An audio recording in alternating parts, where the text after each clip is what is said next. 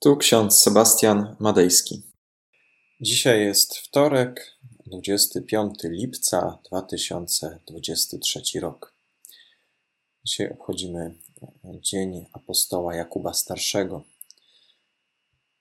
W Psalmie 35, werset 18. Wysławiać Cię będę wielkim zgromadzeniem. Wobec licznego ludu chwalić Cię będę oraz list apostoła Pawła do Efezjan, 5 rozdział, 19 werset. Mówcie do siebie psalmami, hymnami, natchnionymi pieśniami. Śpiewajcie i grajcie waszym sercem Panu. Dzisiaj Kościół obchodzi dzień Jakuba Starszego Apostoła. W Ewangelii Mateusza w 20 rozdziale znajdują się następujące słowa. Wtedy podeszła do niego matka synów Zebedeusza ze swoimi synami i oddając mu pokłon, o coś go prosiła. A on ją zapytał, czego pragniesz?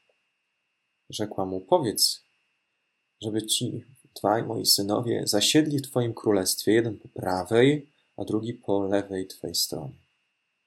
Odpowiadając, Jezus rzekł, nie wiecie, o co prosicie. Czy możecie pić kielich, który ja mam pić? I odpowiedzieli mu, możemy. On rzekł do nich, kielich mój pić będziecie nie do mnie jednak należy dać miejsce po mojej prawej i lewej stronie, ale dostanie się ono tym, dla których mój ojciec je przygotował. Matka synów Zebedeusza, czyli Jakuba i Jana, zwracała się do Jezusa z bardzo konkretną prośbą dotyczącej e, przyszłości swoich synów.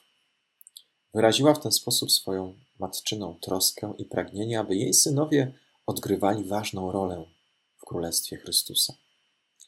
Być może chciała ich postawić na odpowiednim stanowisku.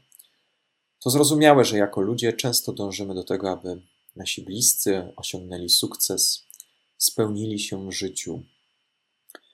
Podobnie my też często mamy swoje osobiste pragnienia wobec naszych bliskich. Każda dobra matka chce wszystkiego, co najlepsze dla swoich dzieci. Problem, jaki jest z prośbą matki Jakuba Jana, jest taki, że rodzina ta musi się nauczyć, że nie wszystko od nich zależy. Muszą się zdać na Boże prowadzenie. Rodzice mają ogromny wpływ na wychowanie swoich dzieci. Również i w szkole dzieci kształtują swoją osobowość, charakter, dostają konkretną wiedzę, uczą się cierpliwości, pracowitości, punktualności ale też rówieśnicy, środowisko, w jakim dzieci się obracają w czasie wolnym, to kolejny faktor kształtujący młodych ludzi. Kościół w tym zestawieniu często jest na ostatnim, jeśli w ogóle na jakimś współcześnie miejscu. Nie miejmy złudzeń. Jeśli rodzice nie uczęszczają na nabożeństwa ani nie angażują się w życie Kościoła, to również i dzieci najprawdopodobniej nie będą czuły przynależności do wspólnoty chrześcijańskiej. Oczywiście zdarzają się od tego wyjątki. Przykładem na to jest wiele osób wierzących, którzy wychowani byli w domach zimnych duchowo, a jednak te osoby odnalazły wiarę w późniejszym okresie swojego życia. Dzisiaj warto zastanowić się nad matką synów Zebedeusza, e, nad Jakubem, nad Janem. Warto zastanowić się, co przynosimy do Boga czy przynosimy do Boga nasze dzieci, nie tylko w tym momencie Chrztu Świętego, ale e, też przy okazji konfirmacji, czy przy okazji ślubu, ale czy przyprowadzamy dzieci do Jezusa w każdym tygodniu? Czy przynosimy je Bogu w modlitwie codziennie? Pytanie, czy też własnym życiem wskazujemy odpowiednią drogę do naszego Pana i Zbawiciela naszym dzieciom. Nie możemy mieć wpływu na ich decyzje w późniejszym wieku nie możemy mieć wpływu też na to, e, co, jakie decyzje podejmą e, w swoim dziecięcym czy nastoletnim wieku, ale możemy wskazać pewną drogę. Warto nauczyć się z dzisiejszej historii e, tego, że do rodziców, ale i do Kościoła należy zadanie wychowywania w wierze, prowadzenia do Chrystusa. To Bóg daje wzrost i decyduje, kto i gdzie znajdzie swoje miejsce w Królestwie Bożym nie mamy wpływu na przyszłość naszych dzieci. To zależy od Bożego prowadzenia. od Bożej woli. Módlmy się więc o szczęście, o pomyślność, o zdrowie i spełnienie dla naszych dzieci, dla naszych przyjaciół, dla naszych sióstr i braci. W naszych modlitwach niech będzie miejsce nie tylko na nasze osobiste sprawy, ale także na prośby o innych. Zamiast skupiać się tylko i wyłącznie na swoich potrzebach, matka synów Zebedeusza przyniosła do Jezusa swoich synów. Otwarła się na Boże działanie. Pragnęła dla nich wszystkiego, co najlepsze. Dobrze wybrała, doskonale wyczuła, że Chrystus, Jezus Chrystus jest tą osobą, która ma wpływ na przyszłość, na Królestwo Boże, ale sam Jezus Chrystus wskazuje zawsze na swojego Ojca. Pamiętajmy, że szczęśliwe życie to nie tylko indywidualne osiągnięcia, nie tylko kariera, ale także dzielenie się radością, szczęściem, wszystkim co najlepsze z tymi, których kochamy.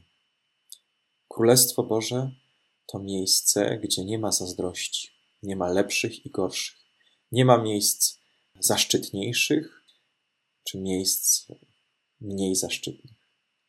To miejsce, gdzie każdy z nas ma doskonały dostęp do Boga. Poprzez modlitwę i działania, które wskazują na dobro dla innych, możemy wspólnie budować lepszy świat dla nas wszystkich. Zatem przynośmy Bogu wszystkich tych, e, na których mamy wpływ, dla których jesteśmy autorytetem, dla których możemy jeszcze coś zrobić. Nauczmy się z tej dzisiejszej historii tego, co chce nam przekazać Bóg, abyśmy nasze prośby kierowali zawsze z e, pewną cierpliwością, z wiarą, ufnością, zdaniem się na Boże Słowo, na Boże prowadzenie, na Boże działanie. Pomódlmy się. Panie, gdyby nasze usta były pełne pieśni niczym morze, a nasze języki radosnych okrzyków niczym szum fal, gdyby nasze oczy były błyszczące jak księżyc i słońce, aby nasze serce rozpostarte niczym skrzydła orłów na niebie, a nasze nogi niczym jelenie, nie jesteśmy w stanie wystarczająco Ci, Panie, dziękować. Dziękujemy Ci za tych wszystkich, których nam dajesz, za nasze dzieci, za naszych rodziców, za wszystkich tych, którzy mieli wpływ na nasze życie. Dziękujemy Ci za tych, którzy ukształtowali nas, że jesteśmy w tym miejscu, że możemy nazywać Cię naszym Bogiem, naszym cudownym Ojcem. Prosimy Cię o wszystkich tych, na których mamy wpływ. Powierzamy ich Tobie. Oddajemy w Twoje łaskawe ręce decyzje o ich przyszłości. Amen. A pokój Boży, który przewyższa wszelki rozum, tak niechaj strzeże serc naszych i myśli naszych w Panu naszym Jezusie Chrystusie ku żywotowi wiecznemu. Amen.